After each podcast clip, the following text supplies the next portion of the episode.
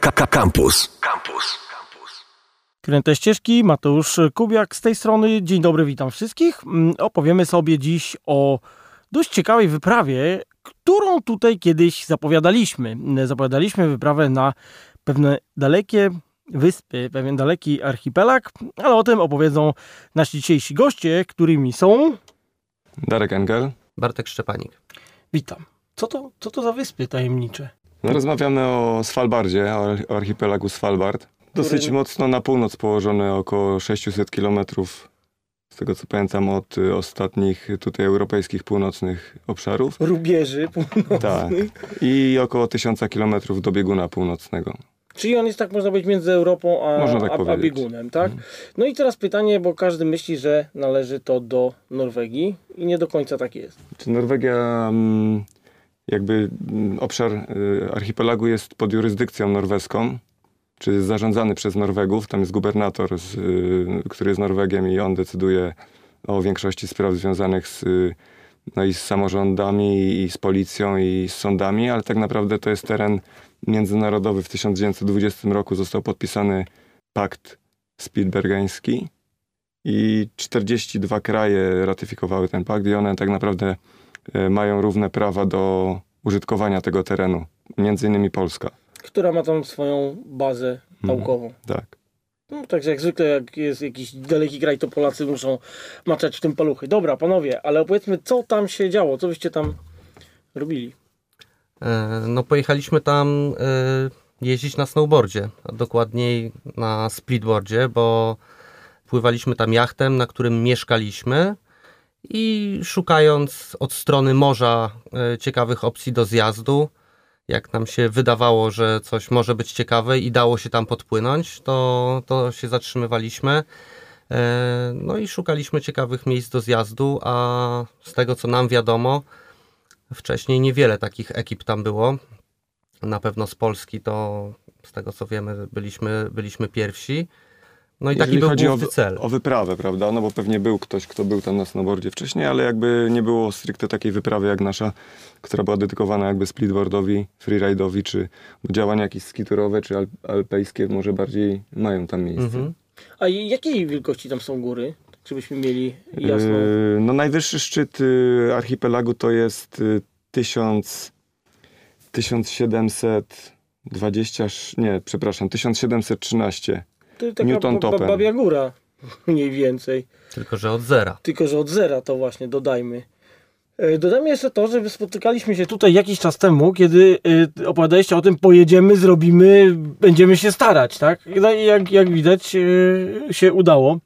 E, Także e, dobra, słuchajcie, za chwilę powiemy o tym dokładniej. E, W międzyczasie zadanie domowe dla wszystkich, sprawdzić gdzie leży Svalbard. Zobaczcie sobie to na mapie.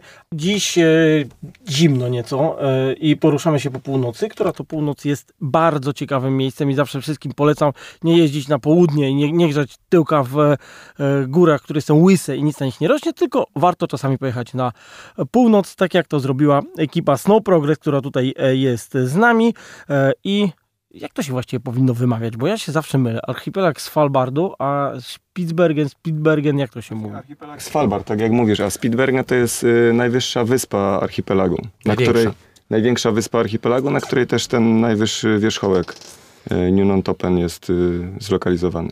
No dobrze, powiedzieliśmy już, że e, pojechaliście, że byliście na snowboardach, na splitboardach dokładnie, usiłowaliście zdobywać szczyty. Jak się domyślam, zdobyliście. E, Jak to wyglądało? Bo to jest ciekawe. Przynajmniej założenia, z tego co pamiętam, były, były bardzo interesujące.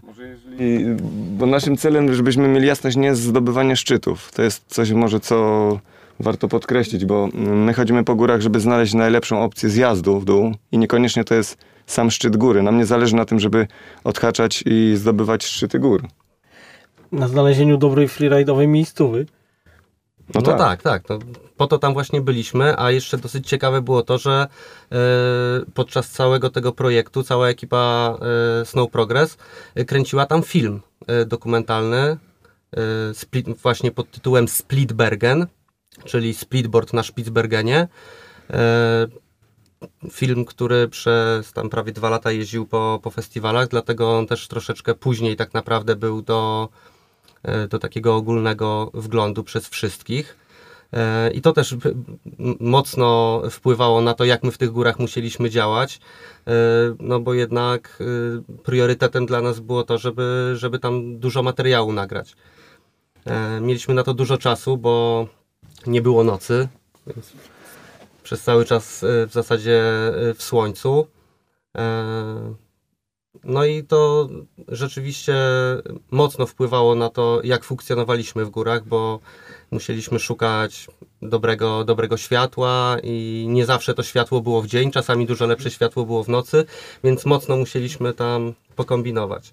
Tak naprawdę też y, mm, duże różnice w tym, kiedy wychodziliśmy w góry, jakby wynikały z tego, że musieliśmy robić przepływy niejednokrotnie, a i dobowe jachtem, żeby dotrzeć do miejsc, które nas interesowały, czyli gdzieś tam w kierunku 80 równoleżnika.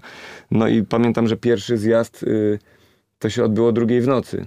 Znaczy pełna lampa wtedy, ale o drugiej nocy był pierwszy zjazd w ogóle, jaki dokonaliśmy y, na Svalbardzie. Yy, No bo tak naprawdę yy, trzeba uzyskać sporo pozwoleń, yy, żeby w ogóle móc tam pływać o tej porze roku w tych rejonach, które nas interesowały. Tak samo pozwoleń związanych z tym, żeby w tych górach móc działać, żeby eksplorować te, te dzikie tereny. No i tutaj ukłony w stronę Asi, która tak naprawdę była mózgiem całej operacji. Ona przygotowała w dużej mierze cały ten wyjazd. Wszystkie te pozwolenia i tam jakieś maile i, i tak dalej, cała ta dokumentacja z gubernatorem, to jest jej zasługa wyczarterowanie jachtu, no później tutaj my z chłopakami żeśmy dużo ze sprzętem ogarnęli, bo to i telefon satelitarny i, no i sprzęt, którego używamy tak naprawdę na co dzień w górach, ale y, i jedzenie liofilizowane, no też Broń. partnerów mieliśmy sporo. Tak, y, to, że mogliśmy tą broń tam wynająć, to też musieliśmy robić szkolenia w Polsce i tak dalej. Broń jest niezbędna ze względu na niebezpieczeństwo pojawienia się niedźwiedzi, które mogą zaatakować nas tam gdzieś podczas działań. Ale czy jest tak na przykład, że nie możecie e, bez broni wychodzić e, poza, poza miasto? Tak, dokładnie tak jest. Nie można wychodzić. e, Zresztą w mieście też mnóstwo osób porusza się z bronią, tylko tam trzeba mieć wtedy wyjęty zamek. Natomiast jak tylko się wychodzi poza, poza miasto, to trzeba już mieć broń. Tam, gdzie my pływaliśmy, no to już zupełnie dzikie tereny, więc my w góry chodziliśmy w 9 osób. E, I Mieliśmy dwa sztucery. Dwa sztucery wtedy. Zawsze osoba otwierająca grupę i zamykająca grupę była z bronią. No i ciekawa rzecz, pierwszego dnia właśnie, jak już tam dopłynęliśmy do pierwszego desantu, bo to zawsze wygląda tak, że jacht staje na kotwicy kilkadziesiąt metrów, czasami kilkaset metrów od brzegu i desen, desant odbywa się pontonem. E, I właśnie tutaj Darek z Tomkiem mieli pierwszy desant, wylądowali sobie bezpiecznie, dopłynęli. No ale pierwsze co zobaczyli to białe zwierzę, gdzieś tam kilkadziesiąt czy A kilkaset metrów. już. A ponton odpłynął po następną ekipę, po następną parę. No i od razu na radiu, tam kolega właśnie, który miał y, y, sprzęt. No, operator, operator, tak, operator, żeby zobaczył co to jest. Wszyscy naprawdę już mocno y, z przyspieszonym tętnem, bo to krótka piłka, tak, no te niedźwiedzie biegają 60 km na godzinę, także tutaj no chwilę to trwało, ale okazało się, że to Karibu, także No ale to był pierwszy moment, y, kiedy przeładowałem broń i, i celowałem w zwierzę z myślą, że będę do niego strzelał, żeby go zabić, nie? To, to był trudny moment. Bo też tak naprawdę jakby się okazało, żeby to był niedźwiedź i by padły strzały, no to całe nasze działanie w górach by się mocno przesunęło, bo wtedy to trzeba zgłaszać. Gubernator musi wsz- wszcząć y, śledztwo i to skomplikowałoby całą wyprawę, więc y, z wielu powodów byłoby to dosyć trudne. Tak, to był pierwszy dzień, pierwszy desant i od razu była taka akcja. No potem też już troszeczkę się z tym oswoiliśmy. Wiadomo, że przez cały czas bardzo czujnie, ale no było dużo śmiesznych sytuacji, bo chodziliśmy po takim terenie, który nie był oczywisty, nie było go całkowicie widać, więc wiadomo, że gdzieś tam można wejść na tego niedźwiedzia i żeby on nas szybko usłyszał, no to tam na początku krzyczeliśmy, jakieś dziwne dźwięki, no ale ile można chodzić i krzyczeć? godzin idziesz w Przez górę. 6 godzin idziesz po płaskim i zaczęliśmy śpiewać kolendy. Więc szło dziewięciu gości i śpiewało kolendy, żeby Tak, niedźwiedź nas nie wszyscy zaatakował. znali kolendy, więc...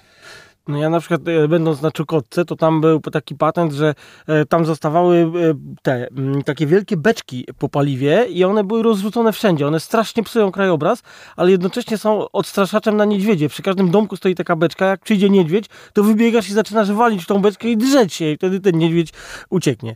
Dobra, słuchajcie, to są sposoby na niedźwiedzie, takie rzeczy. No w Polsce to niedźwiedzie to się raczej karmi przy schroniskach, ale to są brunatne niedźwiedzie, a myśmy mówili o białych, Polarnych. tak? Bo, to, bo to, tam, e, Oczywiście. tam polarne Tak, działały. tak. Akurat na Czukotce, gdzie ja byłem, to było tak, że zimą przychodzą polarne, a e, latem łażą brunatne. Te brunatne są takie bardziej spoko, a spotkanie z polarnym to już jest No tu zdecydowanie mówiliśmy o polarnych. kręte ścieżki. Jesteśmy na archipelagu Svalbardu, e, gdzie ekipa, która tutaj właśnie jest z nami, wybrała się na splitboard, snowboard, a oprócz tego pływanie jachtem, co dla mnie kompletnie nie jest oczywiste w tamtych okolicach, ale jak widać się da. No da się, da się i gdzieś chyba też sobie udowodniliśmy, że to jest możliwe i jak najbardziej realne. No, sporo trudnych decyzji też musieliśmy e, podejmować w trakcie samej wyprawy. No, przed wyprawą też było dużo e, zapytań, ale tak naprawdę pierwsza z takich trudnych decyzji to była zaraz na początku, kiedy już tam udało nam się wszystkie te e, jakby dokumenty związane z tymi pozwoleniami, spotkanie z gubernatorem i tak dalej, i tak dalej e, ogarnąć, no to mm, przyszedł moment na to, że mamy wypływać. No i obserwujemy pogodę. Tutaj też y, Marek, który był naszym skiperem, bardzo pomagał, bo bardzo dobry jakby specjalista w czytaniu tej, tych prognóz. Okazało się, że wyż azorski, z tego co pamiętam, spychał wszystkie niże w naszą stronę, czyli w stronę jakby północy i y, na nieszczęście zatrzymywały się one, czy gdzieś tam opierały o ten archipelag, y, gdzie my chcieliśmy działać. No i pamiętam, że skracając temat, była decyzja, czy wypływamy, czy nie. Mamy jeden sztorm, który idzie przed nami.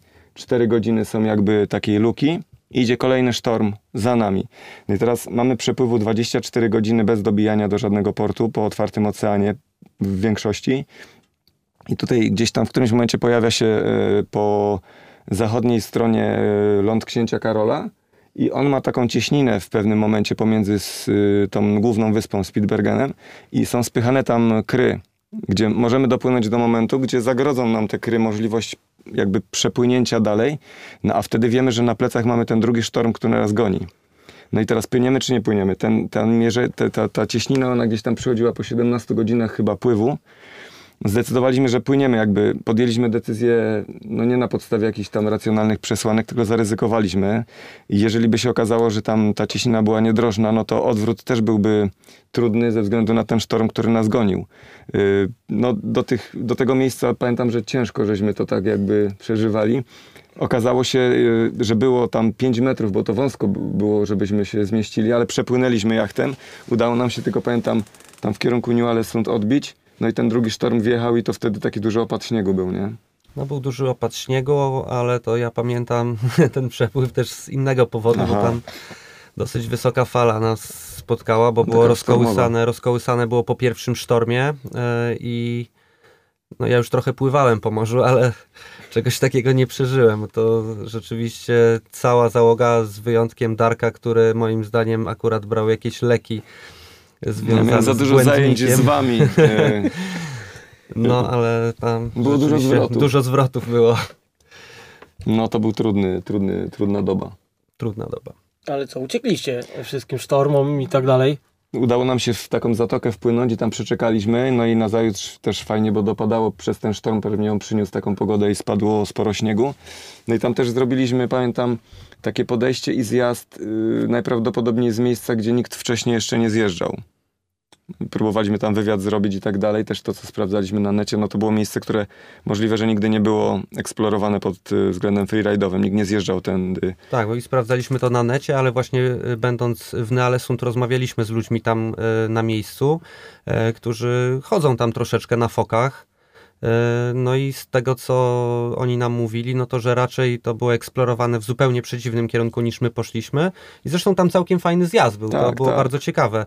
Tak y, na czuja, bo tam było trochę lodowca, tam pamiętam, że na, na linach też było. na, na lin, y, z pięci linami chodziliśmy, ale zjazd był naprawdę super, co zresztą jest udokumentowane na filmie. To chyba jedne z fajniejszych linii, To prawda. y, y, które tam zrobiliśmy akurat na filmie. No, film jest y, dostępny na naszym kanale y, Progress SNB. Można go tam y, za darmo po prostu obejrzeć, on już teraz nie jeździ po festiwalach.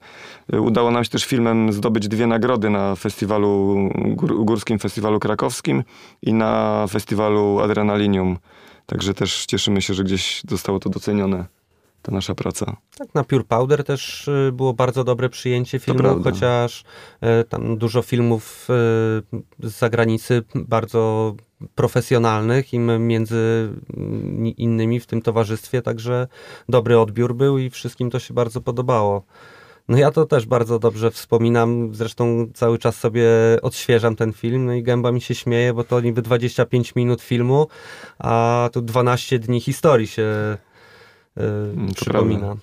A słuchajcie, a w jakim miesiącu wyście pojechali? Bo to, to jest ważna sprawa, na północy właśnie te kry i tak zwany okres nawigacyjny i to wszystko trzeba się, trzeba się pilnować. Ta luka tak naprawdę jest dosyć mała, bo mm, wcześniej by się nie dało, raz, że pozwoleń nie można uzyskać na pływanie, bo jest pomrożone, a później znowu, jeżeli by w końcu, jakbyśmy przegapili tam tydzień, dwa, no to znowu może i by więcej możliwe było do pływania, ale też śnieg już by był nie taki, jakiego szukaliśmy. My byliśmy w maju, prawda? Tak, zaczęliśmy w majówkę, chyba 3 maja lecieliśmy, no i tam na miejscu byliśmy 12 dni. Mocno byliśmy zaskoczeni tym, jakie tam nas zaskoczy, jakie spotkaliśmy temperatury, bo akurat tam dwa tygodnie czy trzy tygodnie przed nami były mrozy po 25-28 stopni, a jak my tam przyleciliśmy, to pogoda Minus była... 15 było najchłodniej. No ale to najchłodniej, a jak pamiętam, jak czekaliśmy tam na wypłynięcie y, z Longyearbyen, no to było bliżej zera. Raczej tak było mało zimowo y, i no to No tak naprawdę te, te temperatury się mocno e, zmieniają. To też jest tutaj chyba warte podkreślenia, bo z tego co sprawdzałem, to od 1970 do 2020 roku e, średnio temperatura wzrosła o 4 stopnie e, latem i o aż 7 stopni w zimie. No 7 stopni to jest bardzo, Bardzo dużo, dużo. średnia temperatura. Przez tam powiedzmy 50, 50 lat. A odbiło się to na przykład na lodowcach? Mówicie, że tam są Oczywiście. lodowce na zasięgu lodowców? Oczywiście, no to takie jest koło trochę zamknięte, bo tak naprawdę proces wygląda w ten sposób, że e, woda z racji, że jest ciemniejsza, więcej absorbuje tych promieni słonecznych i nagrzewa się. Jak się nagrzewa, to topi lodowce. No a jak jest ich mniej, no to więcej znowu ta woda się nagrzewa, bo jest ten, ta powierzchnia wody jest większa niż powierzchnia lodowca. No i się to nakręca samo tak naprawdę. Pytanie moje jest takie, bo zapewne mieszka tam więcej niedźwiedzi niż ludzi, ale wiemy, że jest to międzynarodowe e, jakby miejsce, tak, po- pod, pod e, jurysdykcją Norwegii, ale e, różne kraje tam mogą mieć swoje bazy, nazwijmy to. I jak tam wygląda etnicznie? Bo ja słyszałem, że tam jest kuchnia tajska na przykład bardzo popularna. No to jest druga co do wielkości jakby grupa narodowa na Svalbardzie. No, pierwszą są Norwedzy, później Tajowie, później chyba Rosjanie, Rosjanie, Ukraińcy, Ukraińcy i- no Polacy i to potem już tak. mieszane, ale niewiele. A ci, Niespełna 2000 ludzi tam ci mieszka. Tajowie, to skąd się tam wzięli? O co chodzi, powiedzcie? Coś, coś, coś o tym była jakaś historia. Ktoś tam kogoś przywiózł i potem oni y, zaczęli przywozić swoje rodziny. Ja nie chcę tutaj za bardzo y, poprzekręcać, ale to faktycznie jest tak, że ktoś tam zarobkowo oczywiście y, trafił na jakoś krótko, ale no, dobrze im się tam żyje i rzeczywiście widać y, sklepy, knajpy. Także Myślę, że dużym tutaj czynnikiem ma, e, jakby ma znaczenie to, tym czynnikiem ściągającym akurat nie wiem czemu Tajów, ale jest fakt, że na Svalbardzie płaci się bardzo niskie podatki. Też nikt nie mieszka tam albo mało kto mieszka tam permanentnie. To są ludzie, którzy mieszkają tam na kilkuletni kontrakt i tak naprawdę wracają. Ciekawostką jest też, że tak naprawdę nie rodzą się tam dzieciaki, tylko tam kobieta jak już gdzieś zmierza do rozwiązania, to jest y, jakby delegowana na kontynent i tak samo nie umierają tam ludzie, no chyba, że jest jakiś przypadek taki nagły, no to i tak zwłoki są transportowane, nie Czyli chowa się tam. nie, nie ma cmentarzy, tak? Nie ma, jest Nie- jeden mały cmentarz, ale to jest jakaś No ale to jest, kopalni. y, tak, z kopalni, jest, chyba są dwa. Jeden jest właśnie jakichś Szwedów, którzy tam umarli na jakąś zarazę, Mhm. y, a drugi jest właśnie chyba po jakiejś katastrofie w kopalni. Y, Ale rzeczywiście jest prawo takie, które no, mówi, że jest zakaz y, rodzenia się i umierania tam, Hmm. bo właśnie prawo to nie bardzo tam to reguluje. Y, I no i przed samym rozwiązaniem, albo jeżeli ktoś ciężko choruje, to najczęściej jest wywożony na, Na kontynent. Na, na kontynent. A jak w ogóle wygląda mi- miasto? Czy to tak można powiedzieć? My stosunkowo mało czasu spędziliśmy w tych takich skupiskach ludzkich. No Longyearbyen jest taką stolicą jakby, gdzie, gdzie jest lotnisko i, i tak naprawdę całe to życie takie turystyczne się dzieje. No tam tylko tyle, ile potrzebowaliśmy, żeby załatwić dokumenty. Później wypłynęliśmy w Nicz.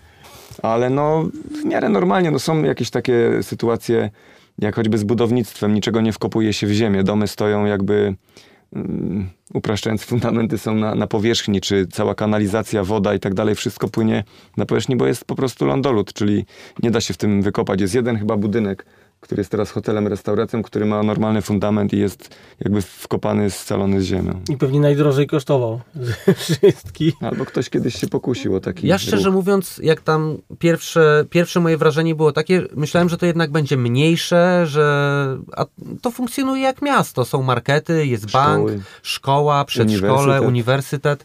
To, to, to naprawdę tam działa i widać, że ci ludzie normalnie funkcjonują. Normalnie to może za dużo powiedziane, no bo to jest dosyć śmieszne właśnie, jak masz szafki, w których zostawiasz broń przed wejściem do banku. No albo jak wchodzisz do knajpy, Tak, to oddajesz barmanowi sztucer, zamawiasz piwo i po prostu jak wychodzisz, to on ci ten sztucer oddaje, nie?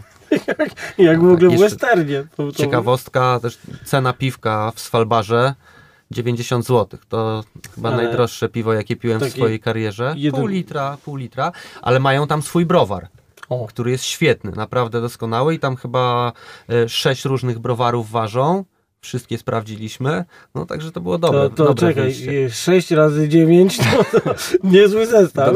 Dwa się, dwa się zdublowały. W sumie było 8 razy 8 piwek, bo poszliśmy we dwóch, no i walnęliśmy po cztery. Akurat nie mogliśmy pójść całą ekipą, bo to było zanim wypływaliśmy. Yy, Na nasze funkcjonowanie na jachcie jednak opiera się na tych dwuosobowych wachtach co parę godzin, więc ktoś musiał zostać bo już coś musiał robić, ktoś miał świadomość tego, że za chwilę będzie musiał płynąć. Ja akurat z Piotrkiem, z którym byłem na wachcie, no mieliśmy te 8 godzin luzu, więc pozwoliliśmy sobie na takie No, najdroższe rozluźnienie. piwko w życiu. To, co Bartek mówi też z tym, z wachtami i tak naprawdę mm, dużą trudnością jest fakt tego dnia polarnego, bo trzeba bardzo być takim restrykcyjnym względem samego siebie, zdyscyplinowanym, żeby chodzić spać nie wtedy, kiedy się chce, bo najczęściej się nie chce spać, ale wiemy, że mamy przepływ, wiemy, że mamy działanie w górach, więc idziesz spać na zegarek, no bo jasno jest cały czas. No ja coś o tym wiem, bo dokładnie to przerabiałem, tylko jeszcze miałem przestawienie 12 godzin, czyli to już można zwariować, jak masz 12 godzin i dzień polarny, to już po prostu wariuje ci mózg kompletnie. E, dobra, słuchajcie, chłopaki, podsumowanie. E, kilka rzeczy, bo tak, czy jest gdzieś miejsce, gdzie można obejrzeć zdjęcia e, z wyprawy i jeszcze raz powiedzmy, gdzie można zobaczyć film. Jasne, no zdjęcia i tak naprawdę film tak samo, ale zdjęcia można u nas na stronie zobaczyć snowprogress.com. E, Film jest dostępny na naszym kanale na YouTubie Progress SNB. I tak naprawdę no, wszystkie informacje związane, bo dziennik był prowadzony, my tam przez telefon satelitarny robiliśmy relacje jakby na bieżąco. Cały ten dziennik też jest udostępniony na stronie, więc jak ktoś miałby ochotę poczytać czy zobaczyć zdjęcia, no to zapraszam. Tu jeszcze może przy okazji tego chciałbym podziękować no tam Asi, o której wspominałem, ona przygotowała cały wyjazd. No nie ma Piotrka z nami, który też się do tego przyczynił. Tomek Pankiewicz czy e, Mutek, operator, e, jakby, który nagrał materiał, później e, zmontował go e, Szymon Pado, który skomponował muzykę, bo to też jest istotne do całego filmu. O, macie muzykę swoją, tak, no, Szymon filmowi? zrobił muzykę do filmu i mm, no, trafnie. robi robotę tam niesamowitą. No i cała ekipa, która z nami była, nie chciałbym tu nikogo pominąć, ale tam Czubaka, Wojtek, y, nie, Bartek jeszcze. A, jeszcze Bartek, tak. No i też wielkie podziękowania dla Marka, kapitana, który mm, no, super profesjonalista, świetna wiedza taka właśnie meteo, zresztą to jest specjalista, Wiedza szturmowa. specjalista, Czytanie od, pogody, wiesz? Mhm. specjalista od takiego żeglarstwa arktycznego, zimowego, no i on tam zrobił robotę, aczkolwiek było parę śmiesznych sytuacji, bo on nie rozumiał za bardzo po co my tam jesteśmy. On mówi, no panowie, jak chcecie pojeździć na nartach, to w Szczyrku jest super, w Szczyrku jest super, Po co wy tutaj w Jemu ogóle trudno było tak? zrozumieć, że my żeglujemy po to, żeby jeździć. No rozumiał, po, rozumiał żeglarstwo, natomiast nie rozumiał, czemu to miałoby się łączyć w całość podczas jednej, jednej e, wyprawy. No jeszcze tutaj y, chylę czoła dla Bosmana Andrzeja. No. Za pyszną goloneczkę. O, goloneczka jeszcze. grana. Słuchajcie, ale pół, w ogóle na, na północy nie czytając pogody, to się nie, nie ugra nic po To prostu, prawda. bo Nie, nam się tak to wszystko absolutna. kotłuje, zmienia, że, że to... Mm. Jak, znaczy, kot co mówi, że jak się pogoda nie podoba, to poczekaj 5 minut. I tak to wyglądało, nie Albo wiem jak pięć u was. dni. Dobra, słuchajcie, to była ekipa Snow Progress i ludzie, którzy pojechali na majówkę jeździć na snowboardzie w minus 15 na północ. Jest to oryginalny pomysł na majówkę, trzeba przyznać. E, Gośćmi byli, Darek Engel. Bartek Szczepanik. a to były Kręte Ścieżki Mateusz Kubiak. Cześć. Słuchaj Radio Campus, gdziekolwiek jesteś. Wejdź na www.radiocampus.waw.pl